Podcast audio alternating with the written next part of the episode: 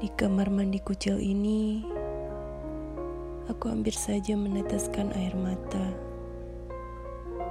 Tapi lalu ku tahan. Dan ku berjanji dalam hatiku tak akan lagi menangis untuk semua penderitaan yang ku alami, Bunda. Karena kulihat kau tak pernah menangis.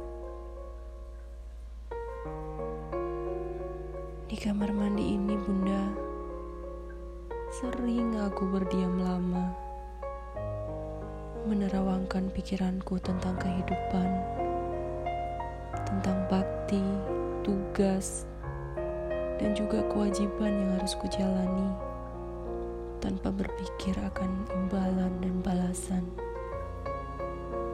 Karena ku tahu Tuhanlah pemegang akhir dari seluruh pertunjukannya di dunia ini. Di sini aku berjanji pada diriku, Bunda, juga pada Tuhan, untuk tidak mengeluh atau bahkan menangis berkaitan dengan penderitaan ataupun beban yang kurasakan dalam hidup.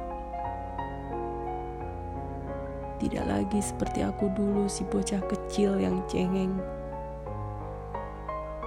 tidak pula ketika masa-masa kemarin masih menghadirkan kesunyian dalam diriku dan kuadukan padanya tentang kegelisahan batinku, tentang harapanku yang ingin pulang ke haribaannya. Atau ketika malam-malamnya yang sunyi hampir-hampir menggilakanku. Lalu aku tersungkur dalam ladang kata yang kutahan. Meluapkan derai air mataku sampai subuh kembali menjelang. Dan pagi adalah berarti cahaya bagiku. Tapi kini aku tak ingin menangis, Bunda berkaitan dengan segala wajah ketidakenakan dalam hidup yang kujalani. Berkaitan dengan derita yang harus kupendam dan kurasakan diam-diam. Jangan sampai orang menciumnya dan ikut bersedih karena dukaku.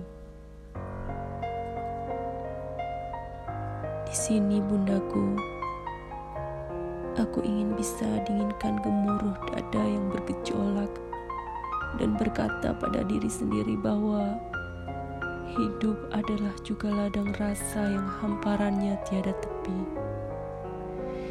Hidup adalah bahasa nonverbal yang indahnya tak terkatakan oleh lisan, walau pedihnya pun tak pernah terbayangkan. Namun, Berdiri di hadapannya bunda. Membuatku tak kuat menahan diri Dan jatuh berderai-derai air mataku. Dan kukatakan dalam hal ini Aku tak pernah merasa kalah. Dan di sini aku ingin berjanji untuk tidak lagi menangis. Kecewa atau memendam duka yang kunampakkan berkaitan dengan kejenuhan dan peran hidup di dunia ini. Sementara jiwaku sejatinya merindukan si pemilik keabadian.